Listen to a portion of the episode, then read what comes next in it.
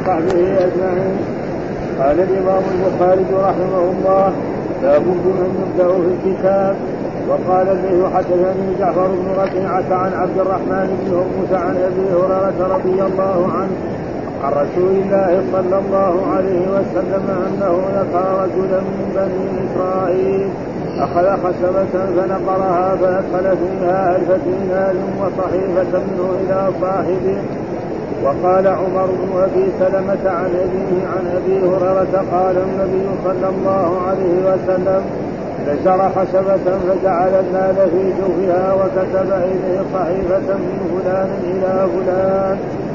باب قول النبي صلى الله عليه وسلم قوموا إلى سيدكم قال حدثنا أبو الوليد قال حدثنا شعبة عن سعد بن إبراهيم عن أبي أمامة بن سيد بن حنين عن أبي سعيد أن أهل قريظة نزلوا على حكم سعد فأرسل النبي صلى الله عليه وسلم فأرسل النبي صلى الله عليه وسلم إليه فجاء فجاء فقال قوموا إلى سيدكم أو قال خيركم. فقد فقعد عند النبي صلى الله عليه وسلم فقال هؤلاء نزلوا على حكمي. قال فإني أحكم أن تقتل مقاتلتهم وتسبى ذراريهم فقال لقد حكمت بما حكم به النبي. قال أبو عبد الله أفهمني بعض أصحابي عن أبي الوليد من قول أبي سعيد إلى حكمي.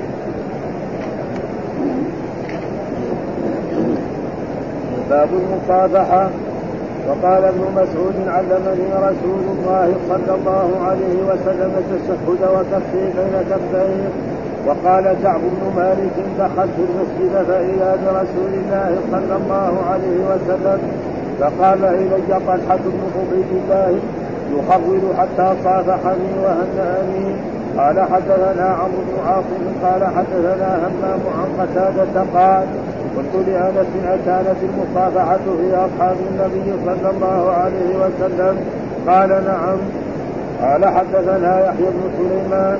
قال حدثني قال حدثني ابن قال أخبرني حيوة. قال حدثني أبو عقيل. أبو عقيل زهرة زهرة بن بن معبد سمع جده عبد الله بن هشام قال كنا مع النبي صلى الله عليه وسلم وهو آخذ بيد عمر بن الخطاب. باب الأخذ باليد وصافح حماد يزيد بن المبارك بيده قال بيده ولا بيديه؟ بيديه. بيديه قال حدثنا أبو نعيم. قال حدثنا شيخ قال سمعت مجاهدا يقول حدثني عبد الله بن سحبرة أبو معمر قال سمعت ابن مسعود يقول علمني رسول الله صلى الله عليه وسلم وكفي بين كفيه وكفي بين كفيه التشهد كما يعلم بالسورة من القرآن التحيات لله والصلوات والطيبات. السلام عليك أيها النبي ورحمة الله وبركاته. السلام علينا وعلى عباد الله الصالحين. أشهد أن لا إله إلا الله. وأشهد أن محمدا عبده ورسوله وهو بين ظهرانينا فلما قبض قلنا السلام يعني على النبي صلى الله عليه وسلم. باب المعانقة وقول الرجل كيف أصبح. قال حدثنا إسحاق قال أخبرنا بشر بن شعيب قال حدثني أبي قال حدثني أبي عن الزهري قال أخبرني عبد الله بن سعد أن عبد الله بن عباس أخبره أن عبد الله بن عباس أخبره أن عليا يعني ابن أبي طالب خرج من عند النبي صلى الله عليه وسلم. حاء وحدثنا أحمد بن صالح قال حدثنا عن قال حدثنا يونس عن ابن شهاب قال أخبرني عبد الله أخبرني عبد الله بن سعد بن مالك أن عبد الله بن عباس أخبره أن علي بن أبي طالب رضي الله عنه خرج من عند النبي صلى الله عليه وسلم في وجعه الذي في فقال الناس يا أبا حسن كيف أصبح رسول الله صلى الله عليه وسلم قال أصبح بحمد الله بارئا. فأخذ بيده العباس فقال ألا تراه؟ ألا تراه أنت والله بعد ثلاث عبد العصا والله إني لأرى رسول الله صلى الله عليه وسلم فيتوفى في وجعه وإني لأعرف في وجوه بني عبد المطلب الموت. فذهبنا إلى رسول الله صلى الله عليه وسلم فنسأله في من يكون الأمر فإن كان فينا علمنا ذلك. وإن كان في غيرنا أمرناه فأوصى بنا.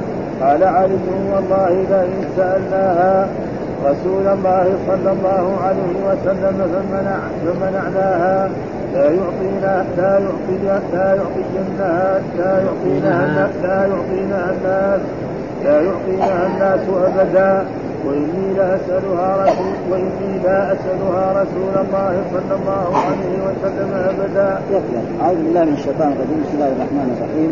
الحمد لله رب العالمين والصلاة والسلام على سيدنا ونبينا محمد وعلى آله وصحبه وسلم أجمعين. آه الباب اللي قبل مثلا باب كيف يكتب إلى أهل الكتاب. آه وهذا مر علينا غير ما مر يعني. بسم الله الرحمن الرحيم. باب كيف يكتب إلى أهل الكتاب. فلا يكتب لهم مثلا السلام عليكم. آه يقول السلام على من اتبع الهدى. هذا.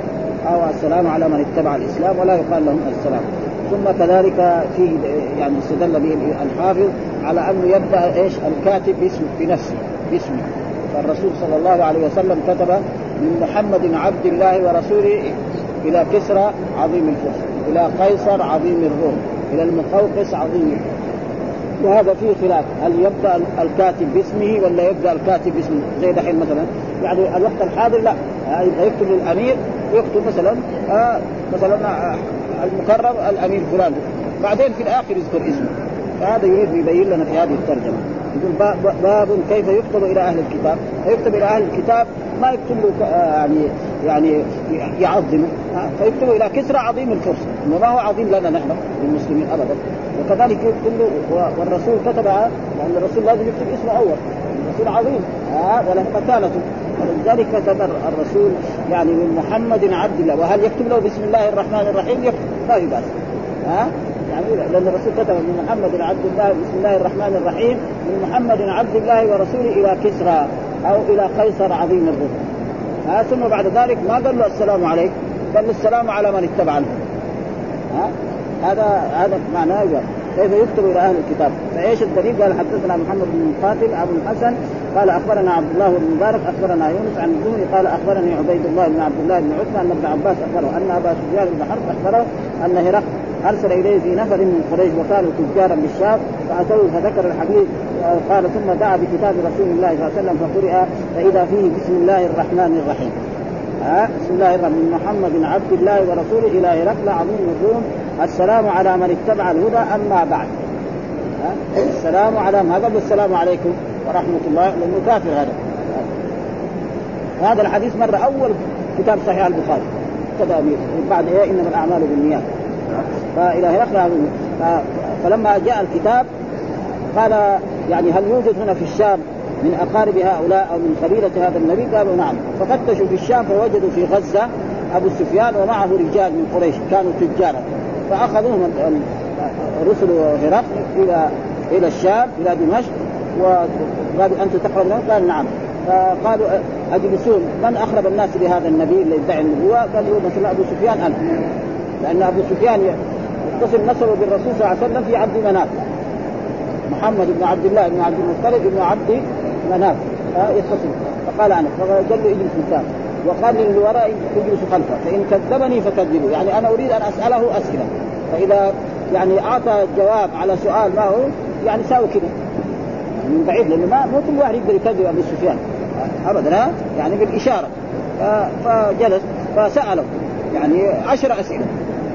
تقدم لنا غير مرة برضه نحن نفسرها دحين عشر اسئله منها يعني كيف يكون فيه نسبكم؟ يعني نسب هذا الرسول إيش نسبه؟ قال هو أعلى نسب النسب ما يحتاج ها أشرفنا وأعظمنا طيب قال هل كان أحد من آبائه وأجداده ملك؟ قال له لا طيب قال من أتباعه؟ من اللي يتبعه؟ يعني الناس الأغنياء ولا الناس الفقراء والمساكين الغلبانين؟ قال الفقراء والمساكين طيب قال له كذلك هل حاربتموه؟ قال نعم حاربناه وكان الحرب بيننا وبينه سجال ينال منا وننال منه. يريد إيه؟ غزوة بدر وغزوة أحد. في غزوة بدر الرسول انتصر على قريش وفي غزوة أحد. ثم حصل لهم إيه؟ بعد الانتصار وأن قتلوا من أصحاب الرسول سبعين. وهل أحد يرتد؟ يعني بعد ما يدخل في الإسلام قال له لا. طيب بماذا يأمركم به؟ قال يأمرنا بالصلاة. نعم والعفاف نعم وبر الوالدين وغير ذلك. ثم بعد ذلك رد عليه الجواب. قال له سالنا سألتك عن عن مسألة. قال طب هل حارب؟ يعني هل يغدر؟ يعني هل غدر؟ حارب معكم وغدر؟ قال له ابدا. نحن وهو الآن في هدنة. يعني ما ندري الآن إلى الآن ما غدر. لكن نرجو أن إيه يغدر بعد يوم أو يومين. أو يعني يقول ما قدر يحط كلمة كذا فيها كذا وجهين إلا هذه الكلمة. أعطى كلها أحكام تمام إلا هذه. قال يعني الآن ما غدر لكن في أمل يعني يصير يغدر يعني.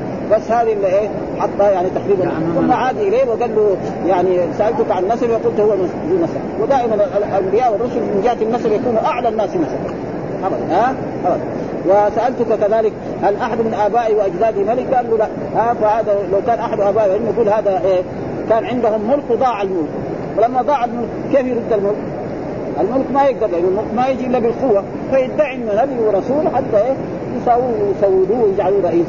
ها وسألتك هل حاربتموه؟ فقلت حرب بيننا وبين السيف هذه عادة الرسل يعني مرة ينال ومرة وسالت كذلك بماذا يأمركم به؟ وهل أحد يرتد عن عن دينه؟ قالوا لا وهذا الإيمان ثم أراد أن يسلم هو ها وقال ليتني أكون عنده لغسلت يعني موضع قدميه بهذه العبارة قال ثم أراد أن يسلم وأمر باغلاق الأبواب ثم آه قال لهم يعني إما اسلموا وإما أبدوا الجزية فوجدهم نفروا. يعني ما رضوا. الوزراء والحكام جو يخرج وجد الأبواب مغلقة فقال لا بس أنا أردت أختبر دينكم. ها آه إنكم على دينكم الطيب فظن بايه بالملك ثم جلس وبعد سنوات غزا أبو بكر اولا ثم عمر وفتحت بلاد وفر هو إلى إلى إيطاليا ومات هناك كافرا مشركا. هذا هو. فاذا الرسول قال من محمد عبد الله ورسوله. فهذه الكتب القديمة كذا كانت. يعني الناس المتقدمون كانوا يكتبوا حتى العلماء وهذا كانوا يكتبوا كذا وكذلك عمر بن الخطاب يكتب مثلا إلى أبي عبيدة عامر بن من عبد الله ورسوله أمير المؤمنين عمر بن الخطاب إلى إلى مثلا إلى أبي عبيدة عامر الجراح أو إلى خالد بن الوليد. الآن وهذه مسائل يعني مسألة لا بأس بها. إلى هرقل عظيم الروم. كذا قبل. السلام على من اتبع. ما نقول له السلام عليكم الكافر والمشرك. أبدا. ها من حديث أبي سفيان في قصة وواضع فيما ترجم له. ها وقول فيه جواز كتابة بسم الله الرحمن الرحيم إلى أهل الكتاب وتقديم اسم الكاتب على المكتوب إليه. يعني الرسول قال من محمد عبد الله ورسوله إلى إيه؟ إلى هرقل عظيم الروم. وهذه هذه كانت الكتب القديمة. الآن في الوقت الحاضر يعني تقريبا غير هذا. ثم ذكر باب بمن يبدأ في الكتاب. باب مثل الأول. وهذا الحديث الأولاني صالح. باب بمن يبدأ في الكتاب. يعني يبدأ بالمرسل إليه أو بالمرسل. الجواب يبدأ بإيه؟ بالمرسل كما جاء في هذا الحديث يعني ساب وهو وهو تعليق. وقال الليث لأن هذا الرجل كتب إيه؟ يعني نقر في خشبة وقال من فلان إلى فلان. ذكر اسمه أول ثم ذكر إيه؟ المرسل إليه. هذا محل الشاهد. يعني الانسان يبغى يرسل يكتب من من خالد بن محمد إلى بكر بن محمود. كذا هذا هو الذي يريد. بمن يبدأ بالكتاب يعني يبدأ بإيه؟ باسم إيه؟ المرسل. لا باسم المرسل إليه. الآن الكتاب الحديث لا يرسل إيه؟ المرسل إليه. وقال الليث. وهذا تعليق لأن الإمام البخاري ما أدرك الليث. ها؟ حدثني جعفر بن ربيعة بن عن عن عبد الرحمن بن هرمز عن أبي هريرة رضي الله تعالى عنه قال أنه ذكر أنه ذكر رجلا من بني إسرائيل. يعني الرسول ذكر رجلا من بني إسرائيل أخذ خشبة فنقر فأدخل فيها ألف دينار. وصحيفة منه إلى صاحبه وقال عمرو بن أبي سلمة عن أبيه عن أبي هريرة آه قال النبي صلى الله عليه وسلم نجر خشبة فجعل الماء المال في جوفها وكتب إليه صحيفة من فلان إلى فلان. يقول أنه أن الرسول ذكر رجلا من بني إسرائيل أخذ خل... يعني هذا الرجل تبين من شخص ما ألف دينار. وقال له الأجل في يوم كذا وفي يوم كذا أو في شهر كذا خلاص. ثم بعد ذلك راح إلى بلد. ولما جاء الأجل جاء إلى إلى البحر. يعني محل البحر محل السفن تسافر فما وجد. اليوم الأول اليوم الثاني اليوم الثالث فراح إيه أخذ يعني خشبة ونقرها وحط الألف دينار فيها. نعم وربطها بمسامير ورماها في البحر. آه فقال إن كنت يعني صادق هذه الفلوس وهذه تصل إلى صاحبه فهذا الرجل ثاني يوم في الصباح خرج إلى إلى جهة البحر من بلده أو من قريته فوجد هذه الخشبة فأخذها. نعم. وذهب بها إلى زوجته لأجل تكسرها وتطبخ بها حطب فلما كسرتها وإذا بها وجدت إيش؟ الألف الدينار ووجدت الصحيفه مكتوب إيه؟ وهذا إيه؟ كرامة من كرامات الأولياء يعني يعني كرامة من كرامات الأولياء وإلا هذا تضيع ها في البحر كمان تروح إلى جهات غير الجهات الان هذه وكرامات الأولياء ثابتة وهي إكرام الله من شاء من عباده بشيء يحتاجه في وقته أو في غير وقته وهذا دليل القرآن ويكفي بذلك قصه يعني يعني مريم كلما دخل عليها زكريا المحراب وجد عندها رزقا قالت وهذا الرسول ذكره في مقام المدح إن هذا عن بني إسرائيل. إيش دخلنا نحن؟ لكن الرسول أثنى على هذا الرجل. فلما أثنى على هذا الرجل معناه ها وكذلك في أحاديث شريعة من قبلنا شريعة شريعة لنا. إلا إذا جاء دليل على أنه لا نتبع هذه الشريعة. ها؟ هذا موجود يعني في الأحاديث. فلأجل ذلك سابه الإمام البخاري وهذا الرجل كتب من فلان إلى فلان. هذا محل الشاهد الذي يريده الإمام البخاري انه قدم اسمه على اسم الإيه؟ المرسل وهذاك الحديث الاولاني كذلك صالح. من محمد عبد لكن واحد من محمد عبد الله ورسوله يقول لا لأن الرسول أعظم. آه له مكانته. فالرسول يقول مثلا يعني من يعني إلى إلى هرقل عظيم الروم. ها؟ آه بعد ذلك يكتب محمد بعد ما هو لايق لكن هنا لا. كلهم سواء في درجة واحدة. ها آه كلهم إيه ناس من بني إسرائيل. المرسل والمرسل إليه. هذا ما يريده يعني الإمام البخاري في هذا. قال بنفسه باب في بمن يبدأ في الكتاب بنفسه أو أو بالمكتوب إليه. ذكر فيه طرفا من حديث الرجل من بني إسرائيل الذي اقترض ألف دينار وكأنه لما لم يجد فيه حديثا على شرطه مرفوعا اقتصر على هذا. لأنه ما وجد حديث مرفوع على على على شرط صحيح البخاري فذكر هذا وعلقه. وهذا التعليق وهو على قاعدته في الاحتجاج بشرع من قبلنا إذا وردت حكاية في شرعنا ولم ينكر ولا سيما إذا سبق مساء إذا سوق إذا سيق مساق المدح لفاعله والحجة في كون الذي عليه الدين كتب في الصحيفه من فلان إلى فلان وكان يمكنه أن يحتج بكتاب النبي صلى الله عليه وسلم إلى هرقل المشار إليه قريبا ولكن قد يكون تركه لأن بداءة الكبير بنفسه إلى الصغير والعظيم إلى الحقير هو الأصل. ها فالرسول قدم اسمه ما يمكن يؤخر اسم الرسول. أما هذول في درجة واحدة. المرسل والمرسل إليه في درجة واحدة. وأما هناك واحد يقول لا هذا رسول الله صلى الله عليه وسلم فلا يمكن أن يؤخر اسمه على اسم هرقل وعلى كسرى. ولذلك كتب الرسول كلهم إلى كسرى وإلى قيصر. أما كي آه كسرى فمزق كتاب رسول الله صلى الله عليه وسلم. لما جاء الكتاب كيف واحد عربي يكتب إلى كسرى؟ مزق الكتاب. فالرسول لما بلغ مزق الله ملكه. وما مضت سنوات بسيطة حتى أخذ مزق وقتل واتي بتاجه إلى هذه المدينة. السنة أن يبدأ الكاتب بنفسه وعن وعن معمر عن ايوب أنه كان ربما بدأ باسم إيه؟ الرجل قبل إذا كذب وسئل مالك عنه فقال لا بأس. وقال هو كما لو أوسع له في المسجد فقيل له إيه؟ إن أهل العراق, العراق يقولون لا نبدأ بأحد قبلك. ولو كان أباك أو أمك أو أكبر منك. فعاب ذلك عليهم. قلت والمنقول عن ابن عمر كان في أغلب أحواله وإلا فقد أخرج البخاري في الأدب المفرد بسند صحيح عن نافع كانت لابن عمر حاجة إلى معاوية فأراد أن يبدأ بنفسه فلم يزالوا به حتى كتبوا بسم الله الرحمن الرحيم إلى معاوية. وفي رواية زياد أما بعد بعد البسملة واخرج يعني فهذا هو اليوم ثم باب قول النبي صلى الله عليه وسلم قوموا إلى سيدكم. يعني قول قول قوموا إلى سيدكم هذا ما ما في شيء. وأن القيام للإنسان إذا كان قدم من هذا فإنه جائز يعني الرجل يكون شخص يأتي من سفر أو يأتي من مكان فلا بأس أن يقوم الناس له ويحيوه ويجلسوه في مكانه اللائق. فإن هذا ممنوع مع أن الرسول في أحاديث مرت علينا أن الرسول لما صلى جالسا وأصحاب الرسول صلوا قياما قال لهم كدتم أن تفعلوا فعل فارس والروم يقومون على ملوك إنما جعل الإمام ليؤتم به فإذا كبر فكبروا وإذا ركع فاركعوا وإذا سجد فسجدوا وإذا صلى جالسا فصلوا جلوسا أجمعين. هذا حديث موجود يعني صحيح برضه في صحيح البخاري وفي غيره. وإيش هذا؟ قوموا إلى سيد. وكان الرسول صلوات الله وسلامه عليه إذا قدمت ابنته فاطمة يقوم لها ويقبلها ويجلسها بجانبه. وفي حديث عن رسول الله صلى الله عليه وسلم من أحب أن يتمثل الناس له قياما؟ نعم. فان فليتمثل مقعده من النار. ها؟ كذا من أحب أن يتمثل له الناس قياما فليتبوأ مقعده من النار. فكيف الأحاديث هذه يجمع بينها؟ فإذا يجمع بينها الرجل الذي كده عظيم عنده كبرياء وعنده عظمة لو ما دام الناس له يزعل ويغضب ويساوي هذا هذا مهم وأما مثلا رجل عادي فالناس قاموا له وحيوه.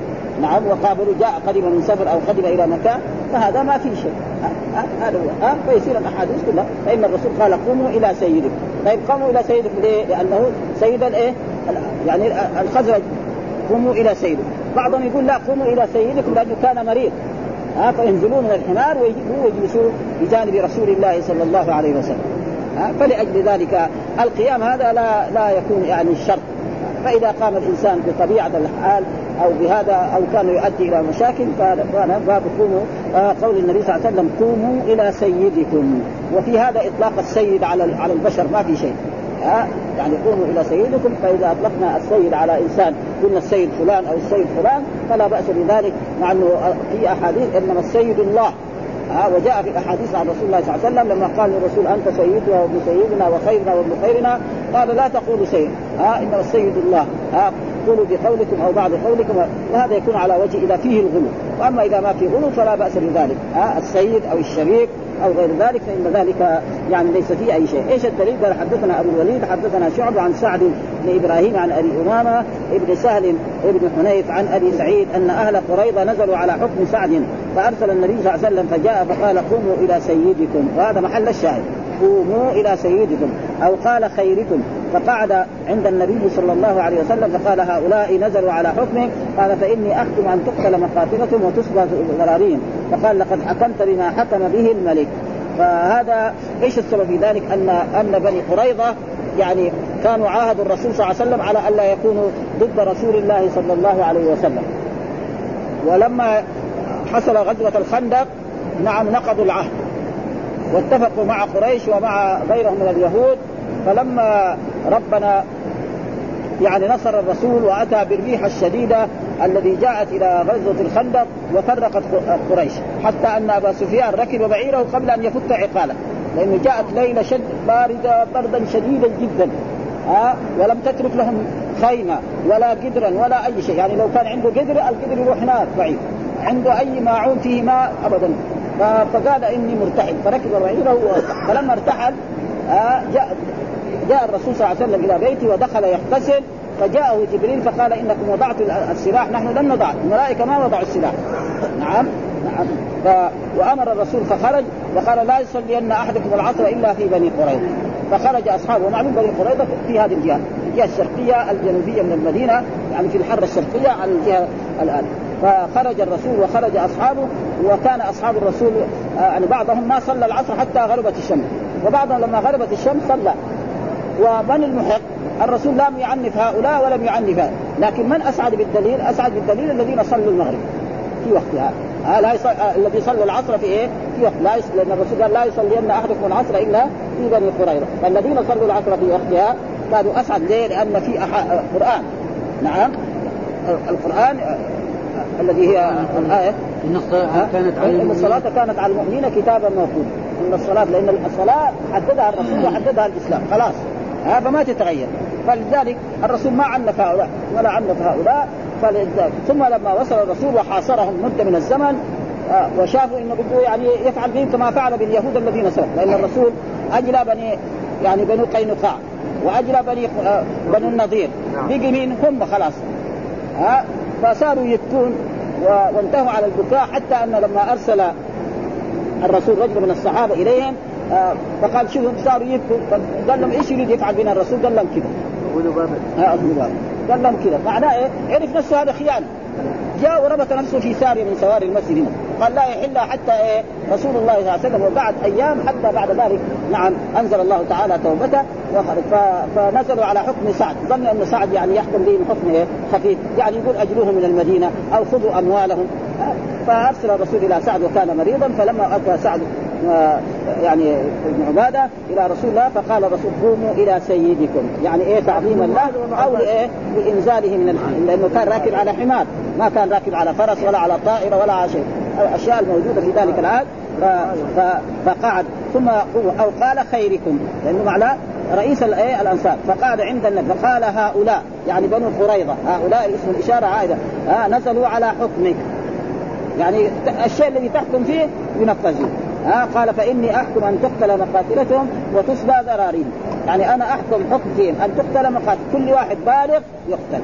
وانه أي مرأة وأي طفل وأي مال يؤخذ. فقال له الرسول صلى الله عليه وسلم لقد حكمت لما حكم به الملك. والمراد بالملك هنا إيه؟ الرب سبحانه وتعالى. والله يسمى ملك. ها كما أن المخلوق يسمى ملك. لكن ملك المخلوق زائل.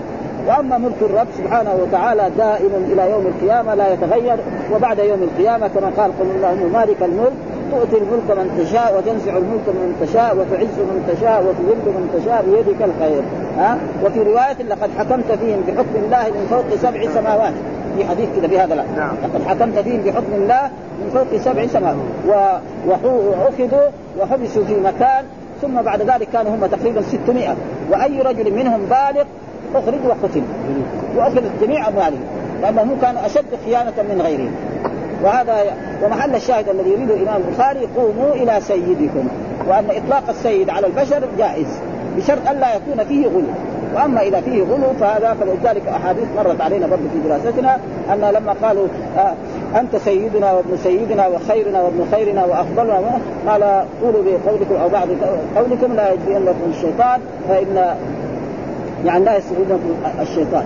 شكرا. يقولوا إن آه. إن قريش قالوا نسووا نعل الأنصار. نسيدكم بال جيش الأنصار قريش. إيه؟ يقولوا قوموا سيدكم ان الرسول صلى الله عليه وسلم معناه بها الأنصار دونهم هم. قوموا إلى سيدك يعيد الأنصار؟ أيوه. هذا دستور تام أيوه قوموا إلى سيدي. قوموا يعني الأمر على الأنصار. أيوة. يعني هو سيد الأنصار ما هو سيد المهاجرين.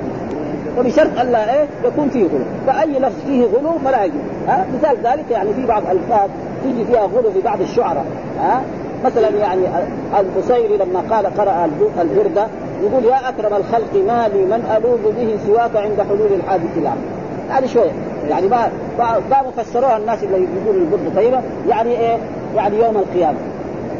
يقول يا أكرم الخلق. لا هو عندي خاتم الرسول. الدنيا ها؟ معليش فلسفه لكن بعدين البيت الثاني فإن من جودك الدنيا وضرتها ومن علومك علم اللوح والقلم. هذا ما يمكن في تأويل. يعني ان الرسول جاد بالدنيا والآخرة. ومن بعض علوم الرسول علم ما في اللوح والقلم. هذا هذا هذا يحتاج له كمان تاويلها ما تمام. خربان مره يعني الرسول جاد بالدنيا والآخرة. إذا كان الرسول جاد بالدنيا والآخرة يصير الله جاد بإيه؟ هذا غلط هو ما يريد يعني هذا. لكن يعني الحب سوا كذا خرب عليه. ودائما زي ما يقول الشعر اعذبه أكذبه. قاعدة يعني في الشعر. ثم كان الشعر كذا واحد مره لما مات السيد أحمد بن عباد المفيد واحد كتب أيموت أحمد. يعني ساوى قصيدة قال له الشيخ اللي وراه القصيدة قد مات. خلاص البيت صار خربان. الشعر صار تعبان. هو كاتب يموت احمد قال له محمد بن عبد الله مات. إيش السيد أحمد سيد يموت وعمر بن الخطاب مات وأبو بكر مات والدنيا كلهم ماتوا إيش وفاطمة والحسن. فلما يقول آه يموت احمد شيء كبير. لكن قد مات خلاص البيت صار إيه؟ نزل أسفل. الشعر صار تعبان. ولذلك يعني الغلو هذا ولذلك الله قال لا تغلو في دينه لما قال الرجل ما شاء الله وشئت قال أجعلت لله ضدا قل ما شاء الله وحده. وهذا كثيرا بيحصل من الشعراء ويحصل من الناس ويحصل يعني يقول لك ما في شيء. لا في أشياء كثيرة. يعني ولذلك يجب ان انه لا يكون في غلو هذا من أول حديث قول صاحب البخاري إلى قال البخاري سمعت أنا من أبي الوليد بلفظ على حكمك وبعض أصحابي نقلوا إلي عنه بلفظ إلي بصيغة الإنتهاء بدل حرف الاستعناف كذا قال وقال وهذا الحديث آه، آه، أمر الإمام الأعظم بإكرام الكبير من المسلمين ومشروعية إكرام أهل الفضل في مجالس الإمام الأعظم والقيام به لغيره من أصحابه وإلزام الناس كافة بالقيام إلى الكبير وقد منع ذلك من قوم واحتجوا بحديث أبي أمامة خرج علينا النبي صلى الله عليه وسلم متكئا على عصا على عصا فقمنا له فقال لا تقوموا كما تقوم الأعاجم والمراد بالأعاجم معناه الكفار. ليس معنى الأعاجم الذين يتكلمون. يعني دائما الأحاديث اذا قال كما تقوم الأعاجم. يروح واحد يفهم إنه لا يريد الأعاجم الذين يتكلمون بغير اللغة العربية. لا الرسول ما أراد هذا وفي الأحاديث ما أراد. ما أراد الأعاجم لأنه كان في ذاك الوقت الكفار الموجود في عهد رسول الله. كانوا كسرى وقيصر. كسرى وقيصر عرب؟ ما هم عرب. عاجم ها؟ فهذا ما يريده. ها؟ فلا يعني يعتقد وكذلك آه إذا كان الإنسان للتعظيم أو أو قدم من سفر فلا بأس بذلك. ها أن يقوم ويعانقه وإن رسول الله صلى الله عليه وسلم كانت إذا قدمت ابنته فاطمه نعم يقوم لها ويقابلها ويقبلها ويعانقها ثم يأخذها ويجلسها جنبه ابدا. ما في ها مثال. كذلك قدم إنسان من سفر. يعني إذا قام له ما في شيء. ها بشرط انه هذا الذي يقام له لا يكون هذا شيء مهم. إذا ما قاموا يساوي يقوم القيامه يكون أمير أو حاكم يقول أنتم ما تستحوا ما عندكم أدب. ها ما تقوموا للأمير أو للملك. فإذا قال هذا هذا الذي ينطبق عليه الحديث. من أحب أن يتمثل للناس القيام فليتبوأ مقعده من النار. هذا أما الإنسان قاموا له كذا صدفة أو هذا وهو ما جعلها يعني شيء ضروري فإن نرجو أن ما فيها أي شيء يعني إن شاء الله.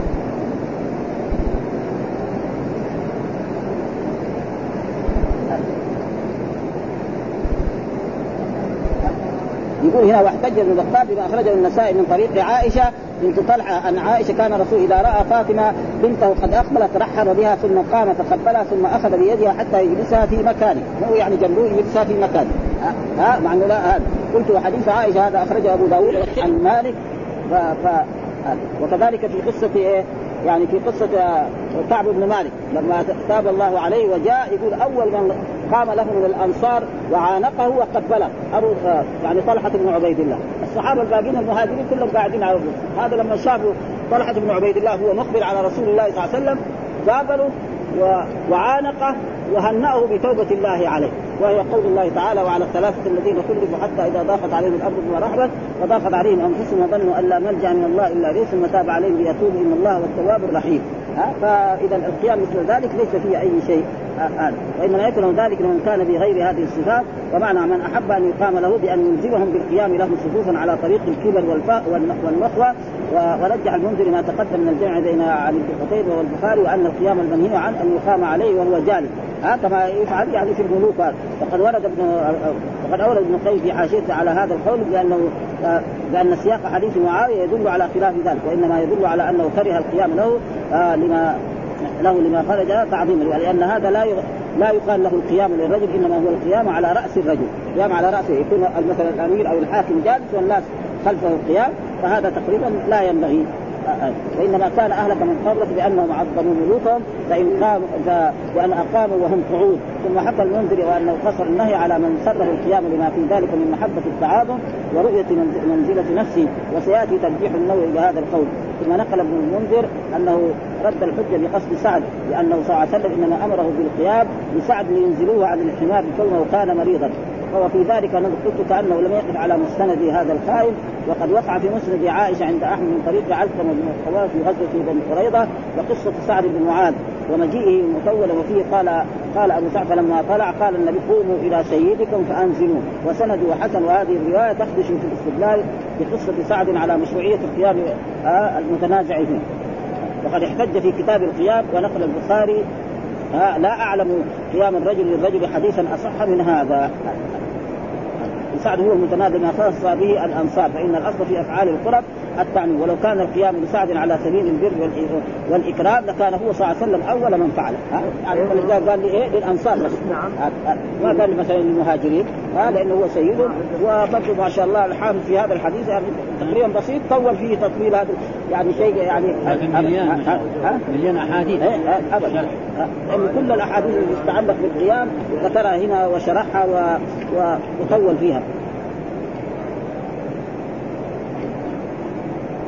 وواقع في صحيح خلاف ذلك كما وقع في قصة وفي في في القوم أبو بكر فهاب أن يكلموه وقد كلمه باليدين مع منزلته منه بالنسبة يعني يعني الصغير يتكلم والرسول لما سهى في الصلاة أبو بكر ما قال ما قدر يقول شيء. هذا هيك. وذو اليدين هذا قال له يا رسول الله أنت صليت بنا اليوم ركعتين. العادة تصلي بين الظهر أربع ركعات واليوم صلي. فقال الرسول يعني أقصرت الصلاة قال لم تقصر ولم الرسول متذكر أنه صلى أربعة. ثم بعد ذلك سأل الصحابة فقالوا فتمم الرسول الصلاة وهذا كله لحكم شرعية لو كان ما سهى الرسول في الصلاة بعدين ساء أبو بكر ولا ساء إمام من أئمة المسلمين. ما هو الحكم؟ ما يعرف. فلذلك حصل هذا عشان يكون هذا. ثم ذكر باب المصافحة. ها؟ المصافحة إيه؟ من السنة ومن المشروع بدون إيه؟ تقبيل وحتى التقبيل جائز. يعني ثبت في احاديث صحيحة أخرجها أصحاب السنن أن الرسول قبلت يده لكن ما كان دائما يعني في مناسبات. تقبيل اليد فإذا قبل الإنسان يد آه، يد أبيه أو يد مثلا عظيم من أو عمي أو أمي أو غير ذلك أو شيخي آه، ما في شيء. لكن كونه يعني يكون هذا هو علامة علامة علامة الحب هذا كمان شوية صعب. بعض العلماء يعني لما يسلم لأنه ولف على هذا قبل هو يرفع يده قبل أن قبل أن يطلبها الشخص يصير شيء. وليس معناه إنه إذا قبلت يده هو أعظم الناس. لا. فالمصافحه هي المشروع. فأكثر الصحابه ما في أعظم من الرسول. ما كانوا يقبلوا يده دائما لكن في مناسبات كانوا يقبلون يده. ويقبلون رجله كمان. ثبت في أحاديث أن الرسول مرة من المرات قبلت إيه؟ يده ورجله. أو يديه ورجله. فلا لا يكون هذا هو إيه؟ فأما المشروع دائما المصافحة. وجاء في أحاديث أنه حتى لو وصل بينهم جدر أو شجرة وتقابل ان أن يتصافحا مرة إيش الدليل؟ قال باب المصافحة. وقال ابن مسعود علمني رسول التشهد وكفي بين كفيه. كفي بين كفيه يعني الرسول جالس وهو جالس أمامه كالتنين يعني جالس جلسة الصلاة. وقال كعب بن مالك دخلت على المسجد فإذا برسول الله قام فإذا برسول الله صلى الله عليه وسلم فقام إلى إلي طلحة بن عبيد الله يهرول حتى صافحني وهنأني. وهذه كلها جابها تعليق الآن. إيش معنى التعليق؟ حذف السند. هذا معنى التعليق عند المحدثين. ها؟ معنى التعليق يعني إن البخاري آه الإمام البخاري ما أدرك ابن مسعود. حسب السمع إنه جابوا بسنده هناك. كم مرة؟ كثير يعني جاب هذا الحديث. وهنا كذلك قال كعب. كذلك حديث كعب مر علينا. حذف السند. فقال كعب بن مالك لما آه أنزل الله توبته على الثلاثه الذين خلفوا حتى إذا ضاقت عليهم الأرض بما رحمت وضاقت عليهم وتقدم لنا مثل توبته لما قرأ الرسول هذه الآية ركض رجل نعم إلى سلع و... وطلع جبل سلع وكان هو في جهة القبلتين وقال أبشر يا كعب بن مالك بتوبتك. ففرح وسمع الصوت. واحد ركب مثلا حمار ابى ما يوصل هناك الصوت يكون أسرع. الصوت ما لأن ذاك الوقت ما في إيه؟ ضجة. زي دحين عصرا نحن نعرف هنا في المدينة كان المؤذن يؤذن على المناير هنا في المدينة يسمع في أبيار علي. لأنه ما في سيارات ولا في غلبة. ما في أبدا. أه؟ وفي أبيار علي وفي عروة وفي كل مكان. الآن هنا يؤذن. يعني هنا حول المسجد ما يسمع. ليه؟ لأنه المدينة تغيرت. فيها كم؟ آلاف السيارات دحين. وغلبه والناس كثيرين. فهذا معناه يعني فدخلت عليه فإذا برسول الله قام إلي طلحة بن عبيد الله حتى صافحني وهنأني. هذا محل الشاهد. ها صافحني وهنأني بتوبة الله. ها وهو قول الله تعالى وعلى الثلاث الذين خلفوا حتى إذا ضاقت عليهم الأرض ورحمت وضاقت عليهم أنفسهم وظنوا أن لا ملجا من الله إلا إليه ثم تاب عليهم ليتوبوا إن الله هو التواب الرحيم. الحديث المرفوع الذي هو بالسند قال حدثنا عمرو بن عاصم حدثنا همام عن قتادة قلت لأنس أكانت المصافحة في أصحاب النبي صلى الله عليه وسلم؟ قال نعم. يعني كان أصحاب الرسول صلى الله عليه وسلم إذا قابل أحدهم الآخر يصافحه ها بيده اليمنى وجاء في أحاديث أنه إذا تصافح المسلمان يعني لم يفك احدهما يد الآخر حتى تنحط ذنوبهما ولا يبقى لأحد من ذنوب شيء حدثنا يحيى بن سليمان قال حدثني ابن قال أخبرني حيوة قال حدثني أبو عقيل آه زهرة بن معبد سمع جده وعبد الله بن هشام قال كنا مع النبي صلى الله عليه وسلم وهو آخذ بيد عمر بن الخطاب. ها كنا مع النبي وهو آخذ بيد عمر بن الخطاب يعني في سفرة وكان الرسول آخذ بيد عمر بن الخطاب. فهنا يعني آخذ بيده يعني يعني زي المصافحه لما يأخذ مثل واحد الثاني يعني يشبه إيه المصافحه لكن ما هو مثل المصافحه فهذا تقريبا يعني كذا اختصر وكذا أورده في مناقب عمر بن الخطاب وساقه بتمامه في, في الأيمان والنذور وسيأتي البحث فيه هناك. وأفضل المسلم ولم يقع في روايته وذكر في إسماعيل في روايته واسقطه من كتاب الإيمان والنذور. وابن لهيعه ورشدين ليس من شرط الصحيح. ولم يقع لأبي نعيم من طريق قاب فأخرجه في, في الأيمان والنذور من طريق البخاري. ووجه ادخال هذا الحديث في المصافحة أن أخذ الأخذ باليد يستلم التقاء صفحة اليد بصفحة اليد. مثال ذلك واحد يكون واقف هنا أو كذا يمسك صفحته. فيشبه إيه؟ يشبه إيه؟ المصافحة. هذا ما والا هو تقريبا ما هو قال ولا ابن مالك أنه كره المصافحة والمعانقة. وهذا يعني أنه كره. فالحديث حج عليه. واحد يقول شيء ثابت في الأحاديث ويقرأ عليه وذهب إلى هذا صحبون وجماعه وقد جاء مالك جواز المصافحة وهو الذي يدل عليه صنيعه في الموطأ. ها؟ ودائما هم وفي جواز جماعة وعلى جواز جماعة العلماء سلفا وخلفا والله أعلم. المصافحة يعني تقريبا من السنن والتي ليس فيها أي شيء. ثم ذكر باب الأخذ باليد وصافح حماد بن زيد بن مبارك بيديه. باب الأخذ باليد يعني يأخذ أحد بيد الآخر وصافح حماد بن زيد بن مبارك بيديه. يعني بيدين يقابل مثلا عالم أو شيء أو أبا له فيصافحه بيديه. اليمين واليسرى هذا هذا من السنة جائز الجواب جائز. ليس فيه. ليه؟ لأن حماد بن زيد آه يعني ابن مبارك بيديه. آه لأن ابن مبارك أعلم منه. قابله. فصافحه. وهذا كذلك تعليق الآن. آه باب الأخذ باليد وصافح حماد بن زيد ابن المبارك بيده. ومين ابن زيد؟ يعني ابن المبارك عبد الله. ها ابن المبارك أحد المحدثين الكبار بيديه. يعني فلا بأس بذلك أنه أنه يعني يصافح بيديه وأتى بحديث إيه؟ حديث التشهد. يعني دحين حديث التشهد هذا كم مرة البخاري يكرره في الصلاة وكرره هنا قبل مرة. زي هذه الأحاديث يعني واحد يتعب يعني في أي واحد من طلبة العلم أول ما يروح يدور في الصلاة. لكن ما يفكر إنه يجيبه هنا. تحية بعيد يعني ها؟ ما يفكر. فلذلك أحاديث البخاري يتعب فيها الإنسان حتى يحصل. تظن أنت يحط في باب يروح يحط في باب يعني ما يجي في عقلك ولا في فكرك ابدا. نقطه كده صغيرة وهو دحين نحن بنقرأ في إيه؟ كتاب الاستئذان فيجيب لنا أحاديث التشهد. ها؟ ها؟ ليه فقه هذا؟ ها؟ إيش الدليل؟ قال حدثنا أبو نعيم حدثنا سيد قال سمعت المجاهد يقول حدثني عبد الله بن مسعود أبو معمر قال سمعت ابن مسعود يقول علمني رسول الله وكفي بين كفيه ها؟ كفي بين كفي. التشهد كما يعلمني السورة من القرآن التحيات لله والصلوات الطيبات السلام عليك أيها النبي ورحمة الله وبركاته السلام علينا وعلى عباد الله الصالحين أشهد أن لا إله إلا الله وأشهد أن محمدا عبده ورسوله. وهناك في بعضها يعني في الموطأ لا وحده لا شريك وهذا لا يوجد إلا في الموطأ. وهذا أصح يعني تشهد من جهة السند يعني في البخاري. وهو بين أظهرنا ها فلما قبل قلنا السلام يعني على النبي صلى الله عليه وسلم. قلنا السلام يعني أول كنا لما كان حاضر نقول السلام عليك. وهذا لا يمنع. الحين موجود في الأحاديث. نحن كذا نقول السلام عليك أيها النبي. ما يحتاج هذه يعني اجتهاد من إيه؟ من عبد الله بن مسعود.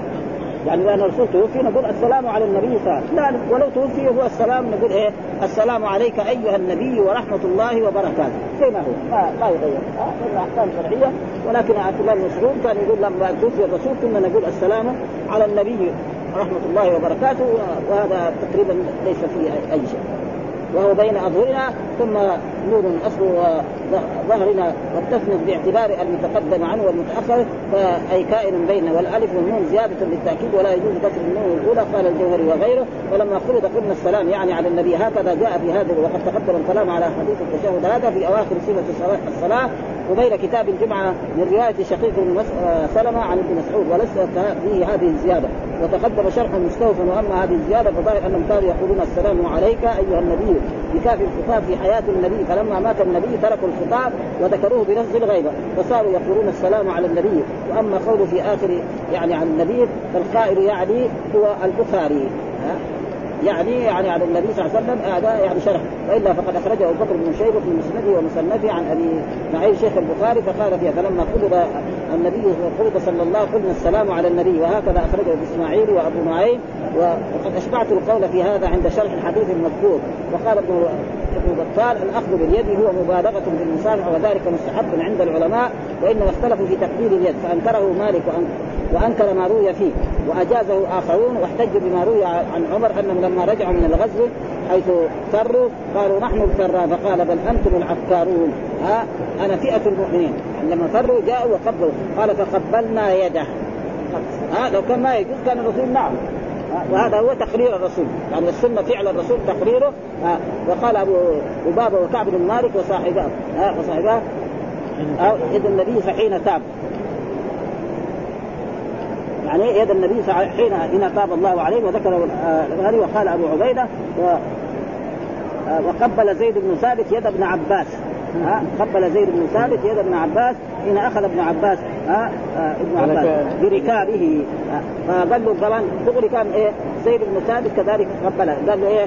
نحن نحترم آل رسول الله لأنه احترمه هو لأجل علم. لأن عبد الله بن عباس علمه كان إيه؟ بسيط.